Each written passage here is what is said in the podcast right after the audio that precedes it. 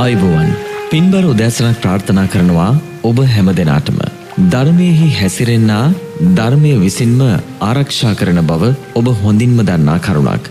අද ධර්මයාත්‍රා වැඩසටහන ආරම්භයේදීම මෙහෙම කියන්න හේතුවක් තියෙනවා. සමාජය බොහොම ඉක්මනින් වෙනස් වෙන සුළුයි. සමාජයේ ජීවත් වෙන පුද්ගලයන්ගේ මනසත් බොහොම ඉක්මනින් වෙනස් වෙන සුළුයි. එනිසා බොහෝ දේවල් වෙනස්කම් වලට භාජනය වෙනවා. ඔය අතරේ ධර්මයත් සමහර උදවිය උත්සාහ කරනවා තමන්ට අවශ්‍ය විදිහට වෙනස් කරන්නට. ඉතින් ඒ නිසා ඒ සියලු දෙයින් අප ආරක්ෂාවිය යුතුයි. අද ධර්මයාත්‍රා වැඩසටහනට අපි මාතෘකා කරගන්න සූදානම් වෙන්නෙත් එවැනිම කරුණක්. මෙය මා පහුගිය දිනයක සමාජ මාධ්‍ය ඔස්සේ දුටු කරුණක්. අපේ ස්වාමින් වහන්සේ විසින් යම් ස්ථානයක දේශනා කළ සම්පූර්ණ දේශනාවේ එක් කොටසක් පමණක් අරගෙන තවත් ස්වාමීන් වහන්සේ නමක් ඒ ධර්ම දේශනාවට පටහැනිව ඒ ධර්මකාරණාව පිළිබඳව විවරණය කරන වෙනත් කොටසක් එක්ක එකතු කරලා සමාජ මාධ්‍ය ඔස්සේ යම් කෙනෙක් මේක සමාජගත කරලා තියෙනවා. දැන් මේ ධර්ම දේශනාවන් දෙක බැලූ බැල්මට දකින කෙනෙක් ධර්මය පිළිබඳව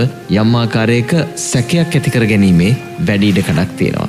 මෙන්න මේ වගේ දේවල් වලින් සිදුවන අනර්ථය පිළිබඳවත් එයින් හරිමාර්ගය සොයාගත යුත්තේ කෙසේද යන්න පිළිබඳවත් තමයි අද දවසේදී ඔබ වහන්සේගෙන් මම පළමු ප්‍රශ්නය හැටියට යොමු කරන්නේ. අවසරයි ස්වාමීනී.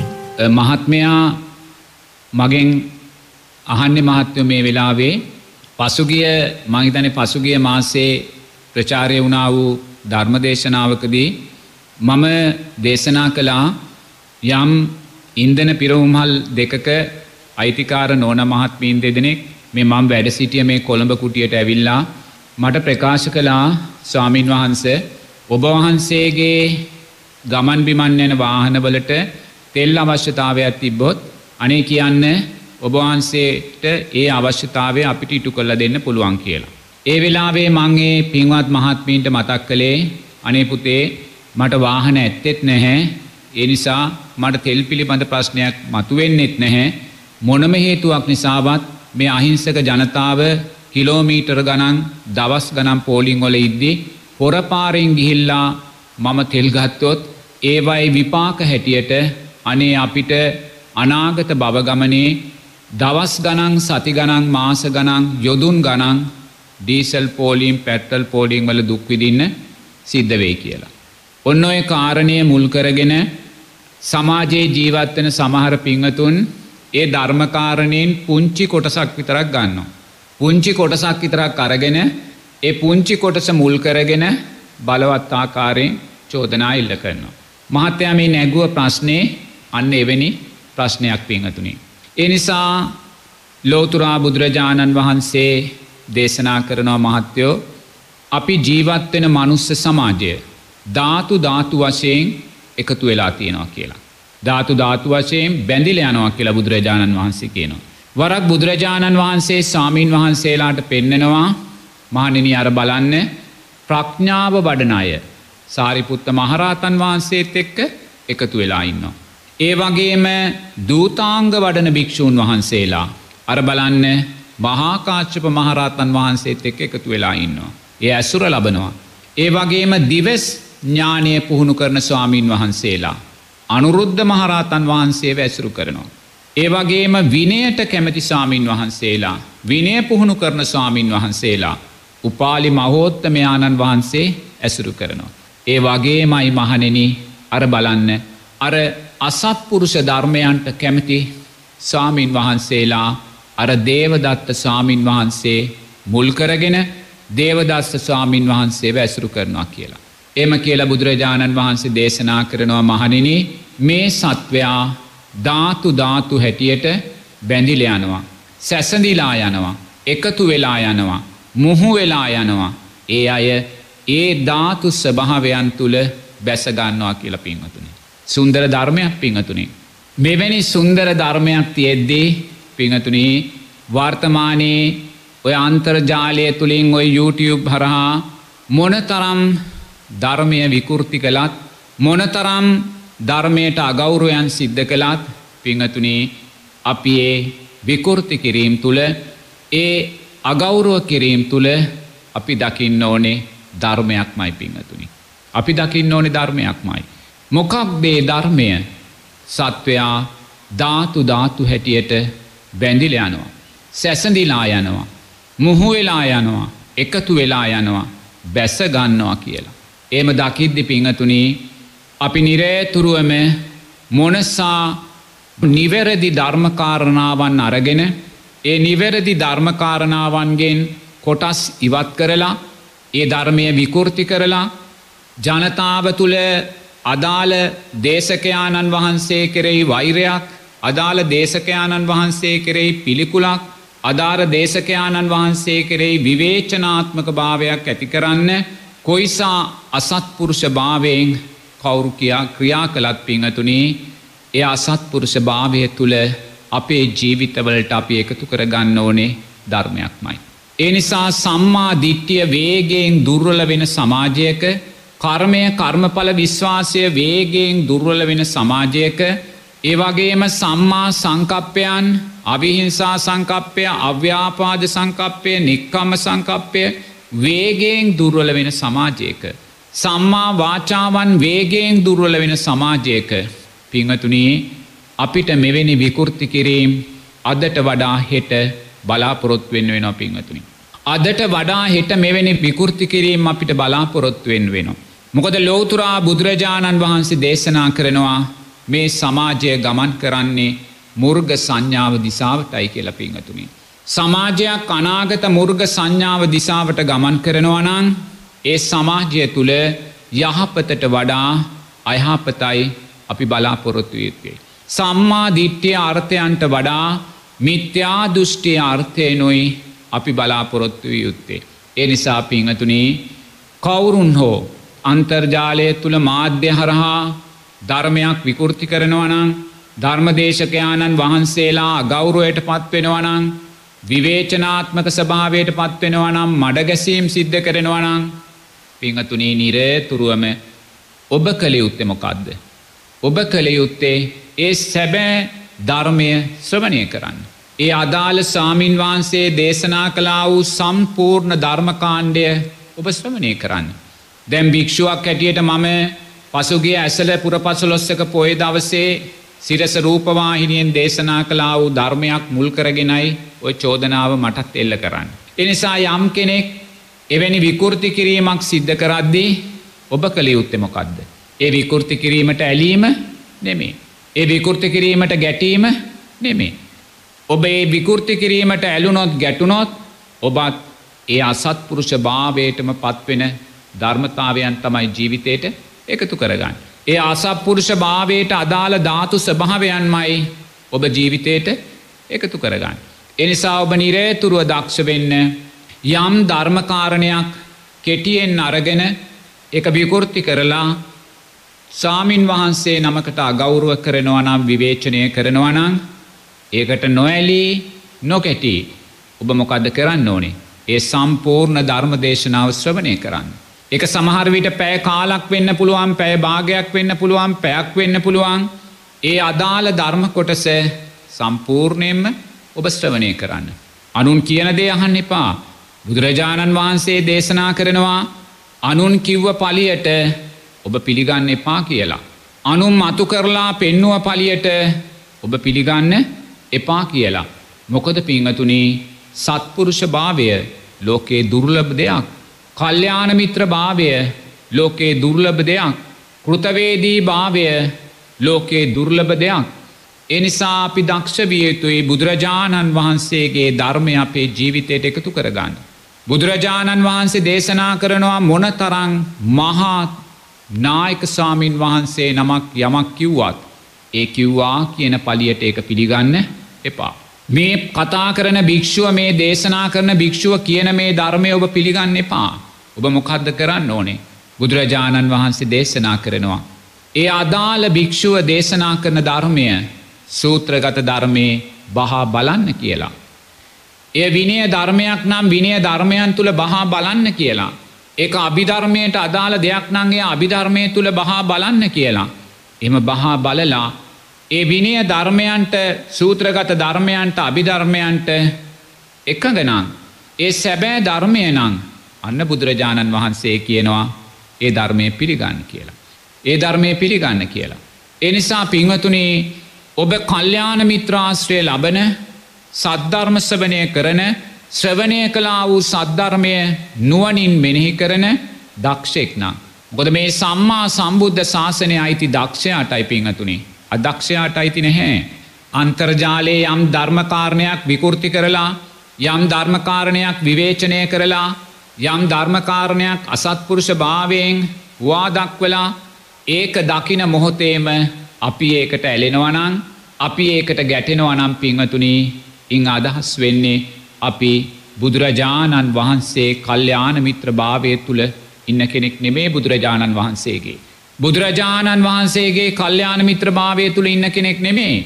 බුදුරජාණන් වහන්සේ දේශනා කලා වූතුම් කල්්‍යාන ධර්මයන් ශ්‍රවණය කරන කෙනෙක් නෙමේ. ඒ ශ්‍රවණය කලා වූ කල්්‍යාන ධර්මයන් නුවනින් මෙනෙහි කරන කෙනෙක් නෙමේ. මොකද බුදුරජාණන් වහන්සේ දේශනා කරනවා. යමෙක් ධර්මයක් කිව්වට කියපු පලියට පිළිගන්න එපා කියලා පින්හතුන්. කියපු පලියට පිළිගන්න එපා. අන්තර්ජාලයේ කුමන විවේචනයන් තිබ්බත් කොයිසා මහා තෙරනමක්කේ ධර්මයන් ප්‍රකාශ කළත් කොයිසා රට පිළිගත්ත ගිහි පින්වතෙක්කේ ධර්මය දේශනා කළත් ධර්මය විකෘති කළත් ඒ ධර්මකාරණාව සූත්‍රගත ධර්මයට බහා බලන්න. සූත්‍රගත ධර්මයට බහා බලන්න. දැන් එදා භික්ෂුවක් හැටියට මං මොකක්ද දේශනා කළේ. දෙයනේ අර පැට්‍රල් පෝලිං වල ඩීසල් පෝලිං වල දවස් ගණන් මිනිස්සු කුසගින්නේ කාලය මරද්දී. දවස් ගණන් ජනතාව දුක්විදිද්දී ඩීසල් නැතුව පැට්‍රල් වැතුව නිදාගන්න නැතුව එලි වෙනකම් පැට්‍රල් පෝලිං වල දුක්විනිද්දි කිලෝ මීටර් ගණන් දුරටේ පෝලින් දුරවෙද්දී පිංහතුනේ සමහර පිංහතුන් ඉන්නවා ඒගොල්ලන්ට අවශ්‍ය තරන් පැට්‍රල් තියනවා පිංහතුන්. මට ඕන තරන් එහෙමයි කියලා තියනවා. අප්‍රමාණය මට කියලා තියෙනවා ස්වාමින්නාස අපිට කිසිම පැට්‍රල් ප්‍රශ්නයක් නැහැ. ඇයි ඒ ඒගොල්ලන්ට ලැබෙනවා පින් ඇතුනි. එතොට මේ ලැබීම සහ නොලැබීම කියන්නේ හේතු පල ධර්මයක්. එතොට යමෙකුට එහෙම ලැබෙනවා නං පිංහතුනේකයා සංසාරය කලා වූ කුසල් සංස්කාරය. අනේ මේ කාටවත් අගෞරුව කරනවා නෙමේ. කාටවත් මේ මේ හිංසාවක් මානසිකව හිංසනයට පත් කරනවා නෙමේ. අර පැට්‍රල් පෝලිමේ දවස් ගනන් දුක්විඳපු අහිංසක ජනතාවට අපිට දානෙ දෙන අපිට සිව්පසය දෙන අහිංසක ජනතාවට අගෞරුවයක් කරනවා නෙමේ. අපි මේ කරන්නේ ඒ සැබෑ ධර්මානුකූල කාරණය තුළින් කුසලේ වටිනාකම කියල දෙනවා. ඒ සැබෑ ධර්මානුකූල කාරණය තුළින් පිනේ වටිනාකම කියල දෙනවා. එහෙම නැත්තං අපි මොකක්ද වෙන්නේ. බුදුරජාණන් වහන්සේගේ ශ්‍රාවකයින් හැටියට අපි ඒ සැබෑ ධර්මය සමාජගත නොකොළොත් මොකක්ද වෙන්නේ. පැට්‍රල් පෝලිමේදීත් දේශය වඩනවා. ඩීසල් පෝලිමේදී දේශය වඩනවා. පැට්‍රල් පෝලිමේදී තප්‍රමාණූ මානසික හිංසනයන් අපි සිද්ධ කරගන්නවා. ඒ නිසාම පිංහතුනේ බලවත් අකුසල් තවතව අපි ජීවිතවලට එකතු කරගන්න. නොදන්නා භාවය නිසා. ඒ මේ නොදන්නා භාවය දන්නා භාවයක් බවට පත්කරදිය යුත්තේ කවුද බුදුරජාණන් වහන්සේගේ ශ්‍රාවකයා මයි පිංහතුනේ. බුදුරජාණන් වහන්සේ පිරිනිවන් පාපු ලෝකයක් තුළ පිංහතුනේ මේ උතුම් ධර්මවිනය දරාගෙන ජීවත් වෙන්නේ මේ උතුම් සංගරත්නය පමණක්මයි. එනිසා සංගරත්නය යුතුකමක් තියෙනවා සංගරත්නය වගකීමක් තියෙනවා. අපිට සිව්පසය දෙන අහිංසක ජනතාව පැට්‍රල් පෝලිං වල දුක්විදිද්දි ඩීසල් පෝලිං වල දුක්විදිද්දී. ඒ නිසාම ආවේග සීලී භාවයන්ට පත්වෙලා ලෝබ දේශ මෝහ අකුසල් වඩක්දී පිංහතුනී අපිට යුතුකමක් තියෙනවා. කෘතවේදී යුතුකමක් මොකොද ඒ අහිංසක පිංවතුල්ලායි අපිට සිව්පසය දෙන්නේ. මං මේ පෙරෝගෙන ඉන්න චීවරය මට දුන්නේ ඔය ඩීසල් පෝලිමක ඉන්න පින්වතෙක් වෙන්න පුළුවන්. මං මේ පෙරවගෙන ඉන්න අඳනය මට පූජා කළේ ඔය ඩීසල් පෝලිමක ඉන්න පින්වතෙක් වෙන්න පුළුවන්. මං මේ දරාගෙන ඉන්න රබල් සෙරෙප්පු දෙක මට පූජා කළේ ඔය ඩීසල් පෝලිමක ඉන්න පින්වතෙක් වෙන්න පුළුවන්. ඊයේ දවසේ මට දන් පූජා කරපු පින්වතා හෙට දවසේ ඩීසල් පෝලිමක ඉන්න පුළුවන්. එනිසා පින්වතුනේ අපේ යුතුකමක් තියෙනවා. බුදුරජාණන් වහන්සේ වෙනුවෙන් කළ යුතු යුතුකමක් තියෙනවා. සම්මා සම්බුද්ධ ශාසනය ආරක්ෂා වෙනුවෙන් අපි කළ යුතු යුතුකමක් තියෙනවා. මේ බෞද්ධ ජනතාවගේ අබෞද්ධ ජනතාවගේ පින වෙනුවෙන් පව යටපත් කරලා පින මතුකර ගැනීම දෙසා කළ යුතු යුතුකමක් තියෙනවා. ඒ යුතුකම තමයි ඇත්ත පහදල දෙනවා. ඇත්ත පහදල දෙනවා. සංසාරයේ අතීතයේ අපි කරගත්තා වූ අකුසල් නිසයි අපිට දවස් ගනම් මාස ගනන් ඩීසල් පෝලිං වල දුක්විඳන්න සිද්ධ වුණේ. ඒ නිසා බලවත් ලෝබ දේශ මෝහයන් ඇති කර ගත්තේ. ඒ නිසා බලවත් ජීවිත අපහසුකාවයන් ආර්ථික අපහසුතාවයන් අපි ඇති කර ගත්තේ. ඒ නිසයි පිංහතුනී මගේ සත්‍ය කාරණය මතු කරල පෙන්නුවේ. මගේ කුටියට ඇවිල්ල මට කියද්දේ ඔබ වහන්සේට අවශ්‍යනං ඕනම අවස්ථාවක තෙල් ලබා දෙන්නම් කියද්දේ. මං එතනිදි දෙන පිරිතුර ධර්මානුකූල පිරිතුරක්. අධර්මානුකූල පිරිතුරක් නෙමේ මම එතැන්දි දෙන්න මොකක්ද පිළිතුර හැටියට නෝනා අසාධාරණ විදිහට මේ අහිංසක මනුස්්‍යයෝ පෑ ගණන් දවස් ගණන් දුක්විදිද්දි පෝලිං වල හොර පාරෙන් මටනං තෙල් කඳුලක්වත් අවශ්‍ය වෙන්නේ මම ගන්නෙත් නෑ මට අවශ්‍ය මොකද මන් දන්නවා මංගේ වැරදි පාරෙන් අයිතු විදිහට ඒ තෙල් ගත්තොත් සංසාරයේ මටත් දවස් ගණන් පැය ගණන් පෝලිං වල දුක්විදින්න පිංහතුනේ සුන්දර ධර්මයක් කියන්නේ. එතන ධර්මයක් තියෙන්නේ. එතනින් මොකක්ද භික්ෂුවක් හැටියට මම කියන්නේ. කුසලේ ශක්තිය පෙන්නල දෙනවා. පිනේ ශක්තිය පෙන්නල දෙනවා. තියෙන. ජනතාව පිනට උනන්දු කරනවා ජනතාව පින කෙරෙහි චන්දය ඇති කරගන්නවා. ජනතාව අකුසලයෙන් බැහැර කරනවා. පිංහතුනේ එක බුදුරජාණන් වහන්සේගේ ශ්‍රාවකයගේ යුතුකමක්. එනිසා බුදුරජාණන් වහන්සේ තමන්ගේ ශ්‍රාවකයන්ට පැනවවා වූ යම් යුතුකමක් තියෙනවනං. ඒ යුතුකම් පක්ෂය පිංහතුනේ සීයට අනූ නමයක් නෙමේ සීයට සීයම දරාගත්ත භික්ෂුවක් ඔබට මේ කතා කරන්න පිංහතුනේ. එනිසා සමාජය කොයිසා විවේචන සිද්ධ කළාත් සමාජය කොයිසා ධර්මය විකෘති කරන ස්භාවයන්ට පත් වනත් පිංහතුනේ භික්ෂුවක් හැටියට මාය දකින්නේ ධර්මයක් හැටියට මයි ධාතු ධාතු ස්භාවයන් අසප්පුරුෂ ධාතුූන් අසප්පුරුෂ ස්භාවයන්ටමයි ඇසිරෙන්න්න පිංහතුනි. එනිසා එවැනි හැසිරීම් එවැනි විකෘති හැසිරීම් අසත්පුරුෂ හැසිරීම් අනාගතයේදී දෝරෙ ගලා යාබි පිංහතුනේ. අනාගතයේදී දෝරෙ ගලා යාවී නමුත් අනාගතයේදී එවැනි විකෘති හැසිරීම් දෝරෙ ගලාගයා කියලා ඔබේ හදවත් තුළින් ලෝබදේශ මෝහයෝ දෝරෙ ගලායන් ඉඩ දෙන්න එපා පිංහතුනේ. දෝරෙ ගලාගෙන යන්න දෙන්න එපා. ඒ විකෘති ධර්මය තුළින් ඔබ ධර්මයක්ම මතු කර ගන්න. කවදාක්වත් ධර්මයක් විකෘති කලා කියලා ඔබ ඒ නිසා අකුසල් කරගන්න එපා බුදුරජාණන් වහන්සේ අපිට බෝම පැහැදිලිව දේශනා කරනවා පිංහතුනි. යමෙක් ධර්මයක් විකෘති කරයිද. යමෙක් ධර්මයට අපහාස කරයිද. යමෙක් ධර්මය විවේචනය කරයිද. යමෙක් ධර්මය තමන්ගේ ලාභ ප්‍රයෝජනය උදෙසා ලාභ සත්කාර උදෙසා ප්‍රයෝජනයට ගනීද. ඔහු මෙවැනි දුකක් විඳිනවා කියලා. ගිහිවේවා පැවිදිවේවා මොකක්ද විඳින දුක බුදුරජාණන් වහන්සේ දේශනා කරනවා. රජතුමා නියෝගයක් දෙනවා. මේ වරදකරු හිසගසා මරාදාන්න කියලා. නියෝගෙදී ලිවරයි වදකින් මොකද කරන්න පිංහතුනි. මේ වදකින් උදේ පාන්දර මේ වරදකරු නාවනවා. නාවල පිරිසිදු කරනවා. පිරිසිදු කරලා සුදු ඇඳුමක් කන්දනවා. සුදු ඇඳුමක් කන්දලා වදමල් මාලයක් රත් පැහැ වදමල් මාලයක් ගෙලේ පල දෙනවා. පරදලා අඩබෙර කාරයෙක් ඉදිරියෙන් තියාගෙන මුළු නගරේ වටා පැදකුණු කරනවා පිංහතුනි. තා මොහොතකින් හිසගසන්න යන්නේ පිංහතුනි මේ හිස ගසාක් දැමීමට නියමිත මේ වර්ධකරු දකිනවා දන්නවා තව විනාඩි ගානකින් මගේ බෙල්ල කපලදානවා කියලා. පිංහතුනි ඒ වදයට පමුණුවන්න හිසගසා දමන්න අර වද මල් මාලාවත් දමාගෙන නගර වටේ අරං යන වර්ධකරු යම් දුකක් මානසිකව විඳීද. යම් මරණීය වේදනාවක් මනසිං විඳීද ඊටත් වඩා දරුණු මරණීය දුකක් මරණීය වේදනාවක් ධර්මය විකෘති කරන්නා සංසාරයේ විපාක හැටියට ලබනවා කියලා. පිංහතුනේ මීට වඩා දඩුවමක් මොකක්ද පිංහතුනේ මීට වඩා දඩුවමක් මොකක්ද. එනිසා ධර්මය විකෘති කලායි කියන කාරණයේදී ඔබා කුසල් කරගන්න එපා පිංහතුනි. ඔබ ධර්මය විකෘති කිරීම තුළ ඔබ ධර්මයක් ජීවිතයට එකතු කරගන්න එපා.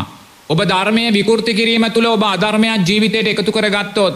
ඔබ ඇලීම් ගැටීම් ජීවිතයට එකතු කරගත්තොත්. ඔබත් ඔබේ ජීවිතය තුළින් ධර්මය විකෘති කරගත්තා වෙනවා පිංහතුනි. මුදර තේරුම් ගන්න. අනුන් ධර්මයක් විකෘති කලා කියලා ඒ ධර්මය හොඳින් කියවලා හොඳින් තේරුම් අරගෙන සම්පූර්ණ ධර්ම කොටස කියවල තේරුම් ගන්න ඇතුව අර කෑලි කපලා කෙටිකරපු විකෘති ධර්මය පමණක් කියවල ඔබ තීන්දුවකට ඇවිල්ලා ඇලීම් ගැටීම් ඔබ ඇති කරගන්නවා නම් පිහතුනේ ඔබත් ඔබේ ජීවිතය තුළින් ධර්මය විකෘති කරගත්ත කෙනෙක් බවට මොකද ඔබ බුදුරජාණන් වහන්සේ දේශනා කලා වූ ධර්මය තුළ නෙමේ ඉන්නේ. බුදුරජාණන් වහන්සේ ඔබට දේශනා කරලා නැහැ යමෙක් කිව්ව පලියට ඒදේ පිළිගන්න කියලා. යමෙක් කිව්ව පලියට ඒදේ පිළිගන්න කියලා බුදුරජාණන් වහන්සේ ඔබට දේශනා කළ නැහැ. බුදුරජාණන් වහන්සේ දේශනා කරන්නේ යමෙක් යමක් කිව්වද එය සූත්‍රගත ධර්මය තුළ බහා බලන්න. විනය ධර්මයන් තුළ බහා බලන්න. අභිධර්මයන් තුළ බහා බලන්න. එය බුදුරජාණන් වහන්සේ දේශනා කරපු ධර්මය නං එක පිළිගන්න කියලා.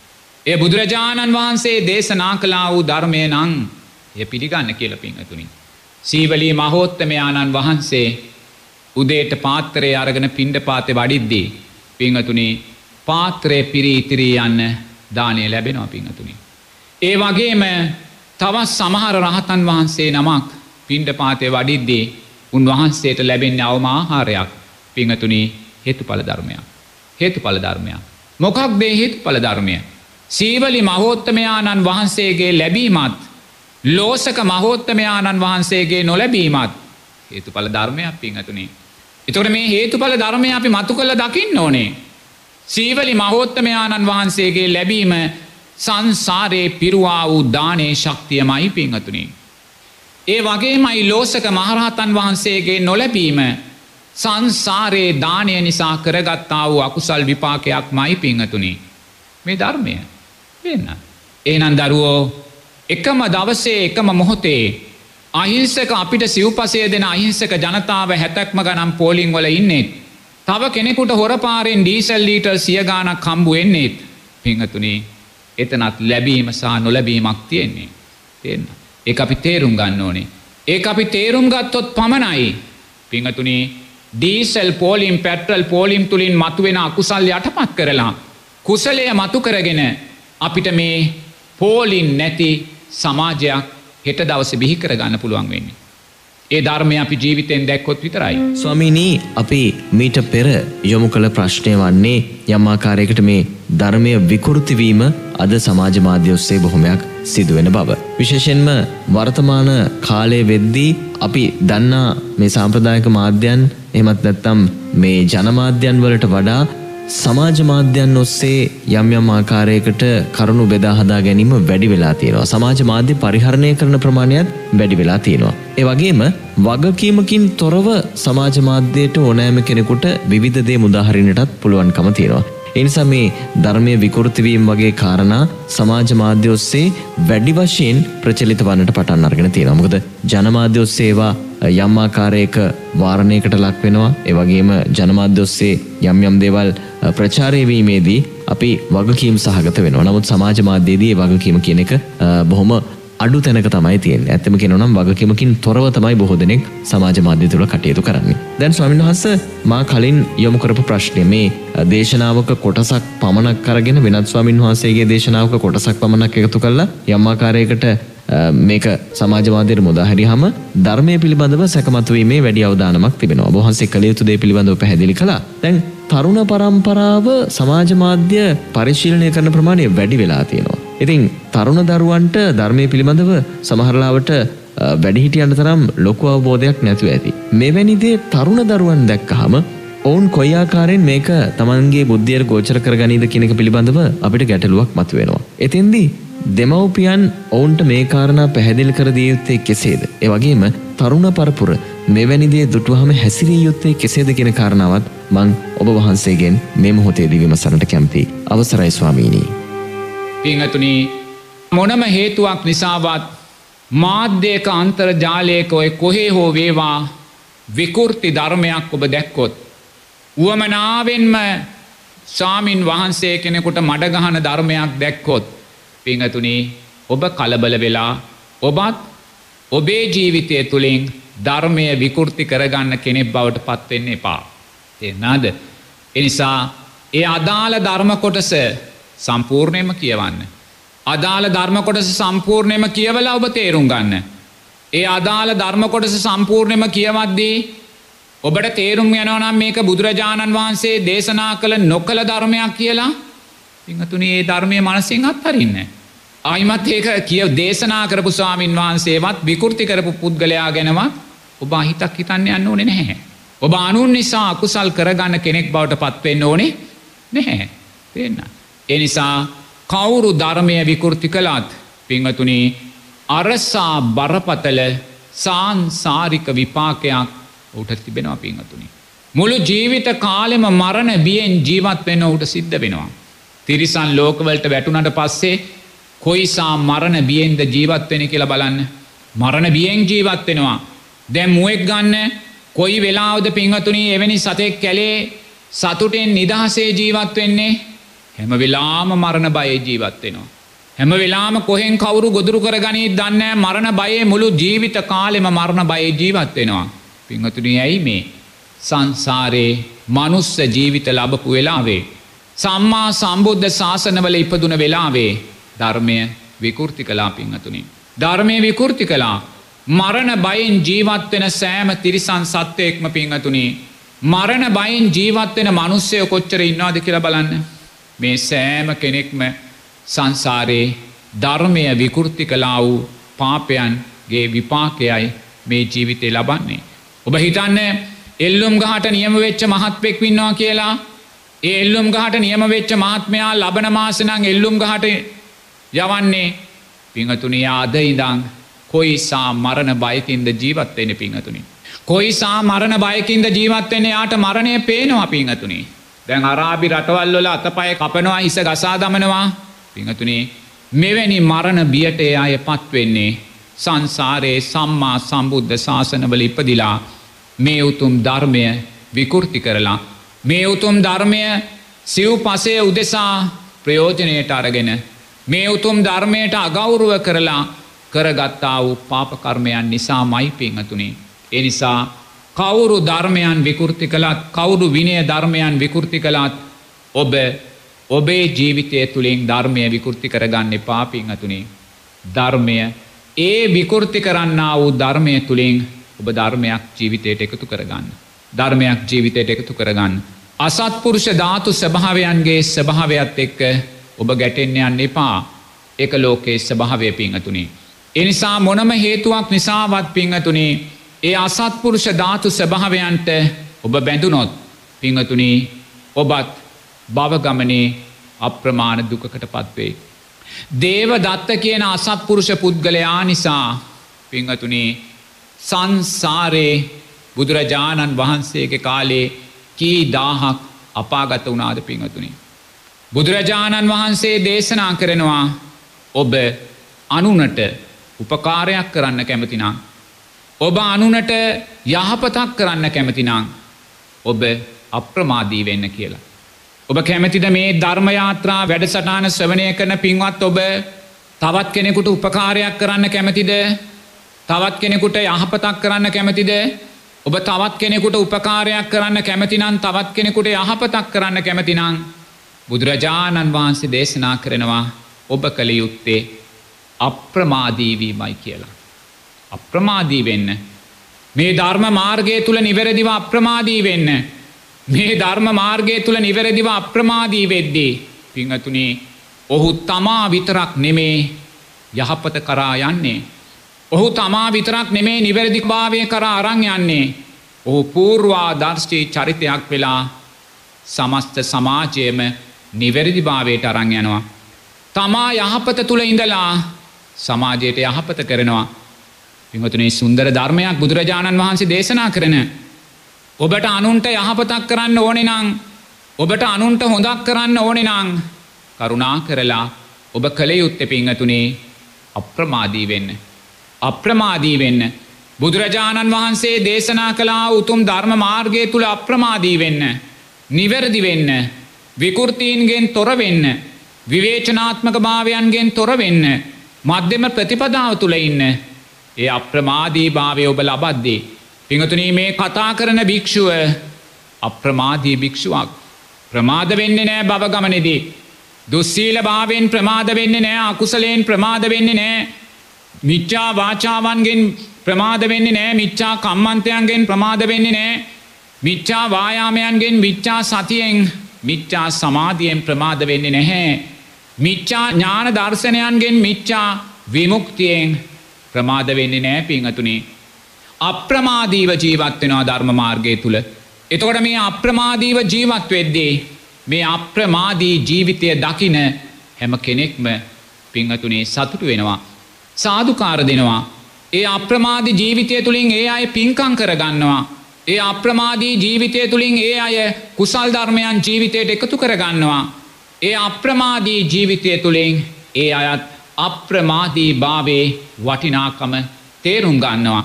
අප්‍රමාදී භාවය වටිනාකමේ අය හඳුනාගන්නවා. පිංහතුනී ඒ නිසාම බුදුරජාණන් වහන්සේ දේශනා කරනවා. ඔබ අනුනට යහපතක් කරන්න කැමතිනං. ඔබ අනුනට හොඳක් සෙතක් කරන්න කැමතිනං. ඔබ අප්‍රමාදී වෙන්න. ඔබ අප්‍රමාදී වුණොත් ඔබ යහපතක් කරන්නේ මනුස්ස සමාජයට නෙමේ. මහා සංගරත්නය අප්‍රමාදී භාවය නිසා දෙවියනුත් මහා සංගරත්නයට වන්දනා කරනවා. බ්‍රහ්මයිනුත් මහා සංගරත්නයට වන්දනා කරනවා. සත්පුරුෂ මනුස්ස සමාජයම මහා සංගරත්නයට වන්දනා කරනවා පිංහතුනේ. තමන්ගේ අප්‍රමාදී භාවය තුළ ලෝකයාට අප්‍රමාදී භාවය දන් දෙනවා පිංහතුනේ සැබෑ දක්ෂයා තෙරුවන් සරණගිය දක්ෂයා බුදුරජාණන් වහන්සේට අදාළව ජීවත්වෙන දක්ෂයා නමුත් පිංහතුනේ මොකක් දද සමාජය තුළ වෙන්නේ සමාජය ප්‍රමාදී භාවයට පත්වෙනවා. දෙයනේ සමාජයේ කොයිසා ප්‍රමාදී භාවයට පත්වෙච්ච මනුස්්‍යයෝ ඉන්නවාද අහිංසක අසරණ මනුස්්‍යයෝ ගිහි පින්වතුල්ලා විතරක් නෙමේ අපේ පින්වත් ගෞරුවනය සාමීන් වහන්සේලා අනේ ප්‍රමාදී භාවයට පත්වෙලා.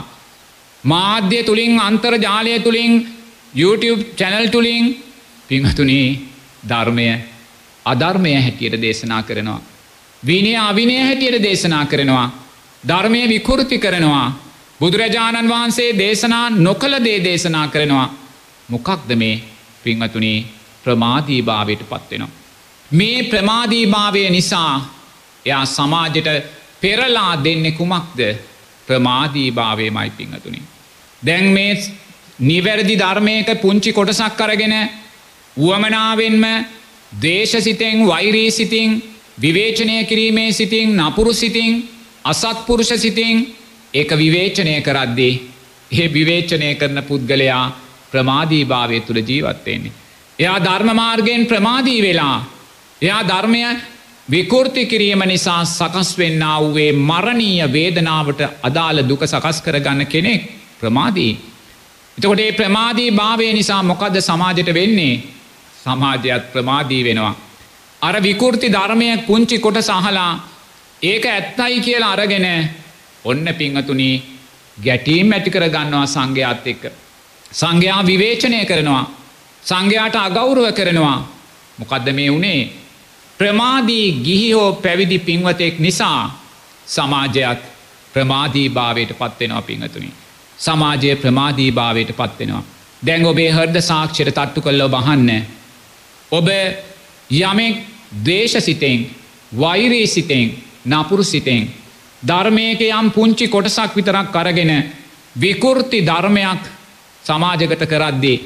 ඔබේ ධර්මය සම්පූර්ණයෙන්ම කියවන්නේ නැතුව සම්පූර්ණයම පරිශීලනය කරන්නේ නැතුව අර විවේචනාත්මක ධර්මය විතරක් බලලා ඔබත් ප්‍රමාදීභාවයට පත් වන අවස්ථා කොච්චර තියෙනවාද. ලෝබ දේශ මෝහයන් ඇතිකරගෙන සංඝයා කරේ අගෞරුවයන් ඇතිකරගෙන ඔබත් ප්‍රමාදී භාවයට පත්වෙච්ච අවස්ථා කොච්චරනම් ඔබේ ජීවිතය තුළ තියෙනවාද පිංහතුනේ කරුණා කරලා ප්‍රමාදී භාවයට පත්වෙච්ච ගිහි සහ පැවිදි පින්වතුන් නිසා ඔබ ප්‍රමාදී භාවයට පත්වෙන්න එපා පිංහතුනේ. දේව දත්ත කියන ප්‍රමාදී ස්වාමින් වහන්සේ නිසා පිංහතුනී කෝකාලිත හාමුදුරුවෝ තාමත් ඉන්න අවිච්චි මහා නිරේ නැත්තම් පදුම නිරේ.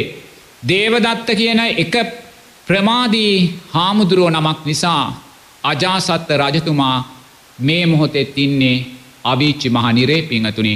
දේව දත්ත කියන ප්‍රමාදී එක ස්වාමින් වහන්සේ නමක් නිසා පිංහතුනි එදා සමාජයේ ජීවත්වෙච්ච කොයි සා ගිහි පැවිදි පිංවතුල්ලා පිංහතුනි මේ මොහොතේ ප්‍රමාදී වෙලා නිරයන්ට වැටිල දුක්විදිනව ඇද්ද. වරක් ආනන්ද සාමීන් වහන්සේ දේශනා කරනවා ඇවිල්ල භාග්‍යවතුන් වහන්සේට කියනවා භාග්‍යවතුන් වහන්සේ කොසොල් රජතුමාගේ රජමැතුරෙන් කරත්ත පන්සීයක දානය අරගෙන දේවදත්ත හාමුදුරුවන්ගේ ආරාමිට යනවා කියලා. රජතුමාගේ මැදුරෙන් තමයි දාන ගෙනියන්නේ කරත්ත පන්සීයක බද්ධානය වෑන්ජන පළතුරු කැවිලි අරංගෙන පිංහතුනි.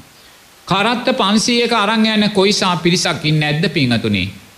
ඒ පිරිසට මොකද වුණේ ප්‍රමාදී එක හාමුදුරුව නමක් නිසා ප්‍රමාදී භාවයට පත් වනා.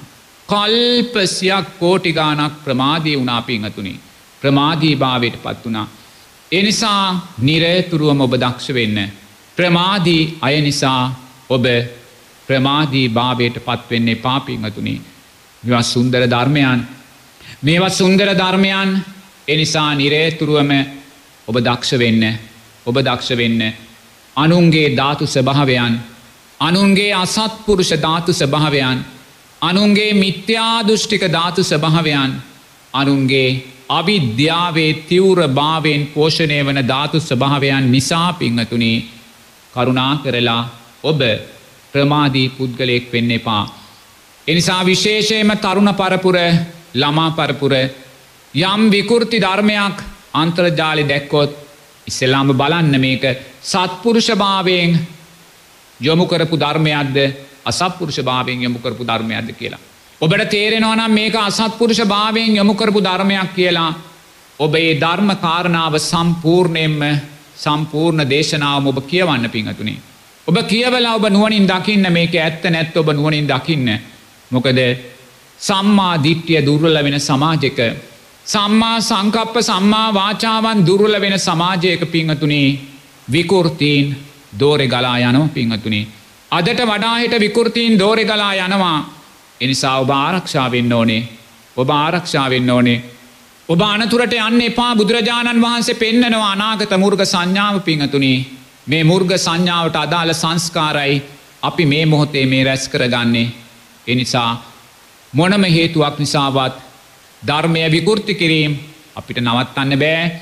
එක ලෝක ස්භාවයක් ලෝතුරා බුදුරජාණන් වහන්සේ ජීවමානව සිටිද්දි දේවදත්ත හාමුදුරුවෝ ධර්මය විකෘති කලා ඒ නිසාම ප්‍රමාදී භාවයට පත් වනා තවත් දහස් ගණන් දසදහස් ගානක් ජනතාව ප්‍රමාදීභාවයට පත් කළා. එනිසා පිංහතුනේ අද එවැනි තත්ත්වයක් නැතිවෙයි කියලා අපිට හිතන්න අදට වඩා හිට තත්ත්වය උග්‍ර වෙනවා පිංහතුනේ. ඒ නිසා ඔබ මේ විකෘති ධර්මයන්ට මේ අසත්පුරුෂ ධර්මයන්ට මේ අසත්පුරුෂ ධාතු ස්භාවයන්ට ඔරොත්තු දෙන්නෙක් බවට පත්වෙන්න. ඔරොත්තු දෙන්නෙක් බවට පත්වෙන්න. ඔබ කොහොමද ඔරොත්තු දෙන්නෙක් බවට පත්වෙන්න පිංහතුනී. ඔබ නිරේතුරුවම බුදුරජාණන් වහන්සේ කල්්‍යාන මිත්‍රයා හිටිට දකින්න. බුදුරජාණන් වහන්සේගේ ආර්ය මහා සංගරත්නය කල්්‍යාන මිත්‍රයා හැටිට දකින්න. මේ උතුම් කල්්‍යාන ධර්මයන් ධර්ම විනය කල්්‍යාන මිත්‍රයා හැටිට දකින්න. ඒ ධර්මය සවනය කරන්න. ඒ ධර්මය කියවන්න. ඒ ධර්මය නුවනින් මෙනෙහි කරන්න. එම මෙනෙහි කරද්දි පිංහතුනේ කිසිම කෙනෙකුට කිසිම ප්‍රමාදී පින්වතෙකුට පිංහතුනේ ඔබව ප්‍රමාදී භාවයට පත්වෙන්න බැහැ. ඔබේ ප්‍රමාදීභාවයන් යටපත් කරගෙන ඔබ අප්‍රමාදී කෙනෙක් වෙනවා. පිංහතුනී ඔය විකෘති ධර්මය අන්ත්‍රජාලෙ පලවෙද්දී මට කීප දෙනෙක් මහත්තුරු ඇවිල්ල කිව ස්වාමීන් වහන්ස. ඔබවහන්සේ අර ඇසල පෝය දවසේ සිරස රූපවායිනය දේශනා කරපු ඒ ධර්ම දේශනාව කොටස් කීපයක් විකෘති කරලා සමාජගත කරනවා කියලා. මංකිව පුතේ සතුටු වෙන්න. ඔබ සතුටු වෙන්න මොක දෙවෙනි විකෘති කරලා දේශනා කරද්දී. ඒ විකෘති ධර්මය දැකලා ජනතාව මොකද කරන්නේ සමස්ත ධර්ම දේශනාව මහනව පිංහතුනේ. ඒගොල සමස්ත ධර්ම දේශනාව මහනවා. අර කීප දෙනෙක් පින්වතුනී අර විකෘති ධර්මයාපු කීප දෙනෙක්ම මන් දන්නවා. අහපු නැති ඒ ධර්ම දේශනාව එකුල සම්පූර්ණය මැහුව පිංහතුනේ. එගොල සම්පූර්ණය මහලා මෙතෙක් මගේ බණ නාහපු පින්වතුල්ලාත් බණහපු අවස්ථාතියනව පිංහතුනි. ඒ අවස්ථාව කවුද දුන්නේ අර ධර්මය විකෘති කරපු පින්වතා පිංහතුනි. එනිසා යමෙක් ධර්මය විකෘති කරද්දී අපි සතුට වෙන්න ඕන මොකොදේ විකෘති ධර්මය නිසා ජනතාව පෙළඹෙනවා සම්පූර්ණය මේ අදාළ ධර්මය කියවලා මේක ඇත්ත නැත්ත හොයන්න. මොකද විශේෂයම තරුණ කණ්ඩායම් පිංහතුනී යමක් කිව්ව පලියට පිළිගන්නේ නැහැ. ඒගොලන්ට යම් තැනක විකෘති කරලා පෙන්නුවත් එගොල සමස්ත ධර්ම කාණ්ඩයම කියවලා මේක ඇත්ත නැත්ත හොයනවා පිංහතුනේ. එනිසා ධර්මයෝ ධර්මයෝම වඩනවා පිංහතුනේ. අධර්මයෝ අධර්මයම්ම වඩනවා එනිසා මොනම හේතුවක් නිසාවත් පිංහතුනේ ඔබ ප්‍රමාදී පුද්ගලයින් නිසා ඔබත් ප්‍රමාදී කෙනෙක් වෙන්න එපා. ඔබ ලෝකෙට අප්‍රමාදී භාවෙන් පූර්වාදර්ශ දෙන්න. අප්‍රමාදී භාවයෙන් ලෝකෙට පූර්වාදර්ශ දෙන්න.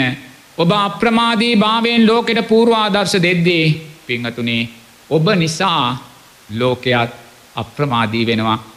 ලෝතුරා බුදුරජාණන් වහන්සේගේ අප්‍රමාදී භාවය නිසා අදත් අපි අප්‍රමාදී වෙනවා පිංහතුනේ.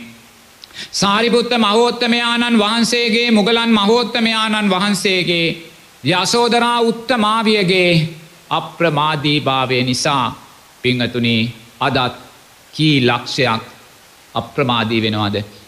අදත් කී ලක්ෂයක් අප්‍රමාදී වෙනවද පිංහතුනී ඔබ අප්‍රමාදී පිංවතෙක් වෙන්න. ඔබ අප්‍රමාදී පිංවතෙක් වුණොත් ඒ අප්‍රමාදී භාවයමයි මේ ශාසනයේ ආරක්ෂකයා වෙන්නේ. ඔබ අප්‍රමාදී පිංවතෙක් වුණොත් ඔබමයි මේ ශාසනයේ අනාගතය වෙන්න පිංහතුනේ එනිසා කල්්‍යයාන මිත්‍ර ආශ්‍රයන් සද්ධර්ම සවනයන් නුවනින් මෙනෙහි කිරීම් දුර්වල වෙද්දී. මේ ධර්මයන් විකෘති කරද්දී. විනය විකෘති කරද්දී. ධර්මය අධර්මය හැටියට දේශනා කරද්දී. පිංහතුනී සමාජය තුළ බලවත් මෙවැනි විකෘතියෙන් සකස්වේවී කරුණා කල්ල ඒ සෑම දෙයක්ම අසත්පුරුෂ ධාතු ස්භාවයන් හැටියට දකින්න. අසත්පුරුෂ ධාතුූන් නිසා ඔබත් අසපුරුෂ ධාතුව කොටසක් බවට ඔබේ ජීවිතයක් පත් කරගන්න එපා. ඔබ ප්‍රමාදී මිනිස්සුන් අතර අප්‍රමාදී මිනිසෙක් වෙන්න පිංහතුනි. ඔබ ප්‍රමාදී මිනිසුන් අතර අප්‍රමාදී මිනිසෙක් වෙන්න. එම වෙන්නේ කොහොමද?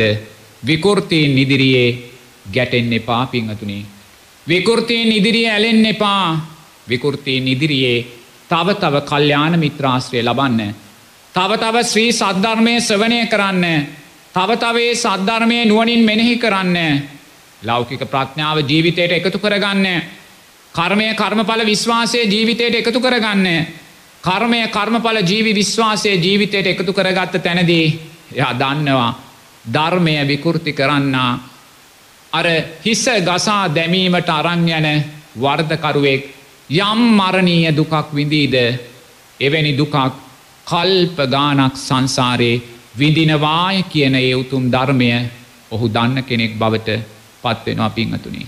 පිංහතුනේ මේ උතුම් ධර්මය ස්වනය කරපු වෙලාවේ සිරෙස ගුවන් විදලියෙන් මේ ධර්මය ස්වනය කලා වූ ලක්ෂ සංඛ්‍යාත පිංහතුල්ලාට මේ උතුම් ධර්මදානමය පිනෙන් නිදුක් නීරෝගී සුවපත්භාවය දීර්ඝාශත් මේ ජීවිතයේදීම උතුම් චතුරාර් සද්ධර්මයෝ දැකීම අවබෝධයට මේ පින් උත්තම ශක්තියක් වෙන්න කියලා මෙස්සිතිං ආශ්‍රිවාද කරනවා. ඒ වගේ මේ උත්තරීතර මහානායක සාමීන් වහන්සේලා ඇතුළු ගෞරුවනීය මහා සංගරත්නයටත් මේ පින් නිදුක්නීරෝගේ සුවපත්භාවය දීර්ඝායිශ පිණිසත් උතුම් චතුරාර් සද්ධර්මයෝ දැකීම අවබෝධයටම මේ පින් උත්තම ශක්තියක් වේවා කියලා මෙස්සිතිං ආශිරිවාද කරනවා. ඒ වගේම අපිට කල්්‍යාන මිත්‍රභාවයෙන් උපකාරක ධර්මයන් සකස් කොට දෙන ඒ පින්වත් සාරධ මහත්මයාටත් ඒ පින්වත් පුබුදු මහත්මයාටත් සිරස ගුවන් විදුලියේ ප්‍රධානී පින්වත් අපේ සජිත් රත්නායක මහත්මය ඇතුළු කාර්ය මණ්ඩලේ සියලු දෙනාට මේ පින් නිදුක් නීරෝගේ සුවපත්භාවය දීර්ඝායශත් මේ ජීවිතේදීම උතුම් චතුරාර් සද්ධර්මයෝ දැකීම අවබෝධයට මේ පින් උත්තම ශක්තියක් වේවා පිංහතුල්ලා සියලු දෙනාම අප්‍රමාදී භාවය තුළින් ලෝකයාට අප්‍රමාදී භාවය දන් දෙන සුන්දර සත්පුරුෂයෙක්ම වේවා කියලා මෙස් සිතින් ආශිරිවාද කරනවා. තෙරුවන් සරණයි. සාධෝ සාධෝ සාධෝ උන්වහන්සේගේ සියලු ශාසනික කටයුතු දියුණුවෙන් දියුණුවට පත්වේවා උන්වහන්සේට තව තවත් ධර්මඥානය බොහෝ දෙනෙකුට ලබා දෙනට අවශ්‍ය කරන ශක්තිය ධෛර්ය නීරෝගී සම්පත්තිය චිරජීවනය ලැබේවා කියලත් අපි මේ මොහොතේදී ප්‍රාර්ථනා කරනවා. සාධූ සාධූ සාධූ.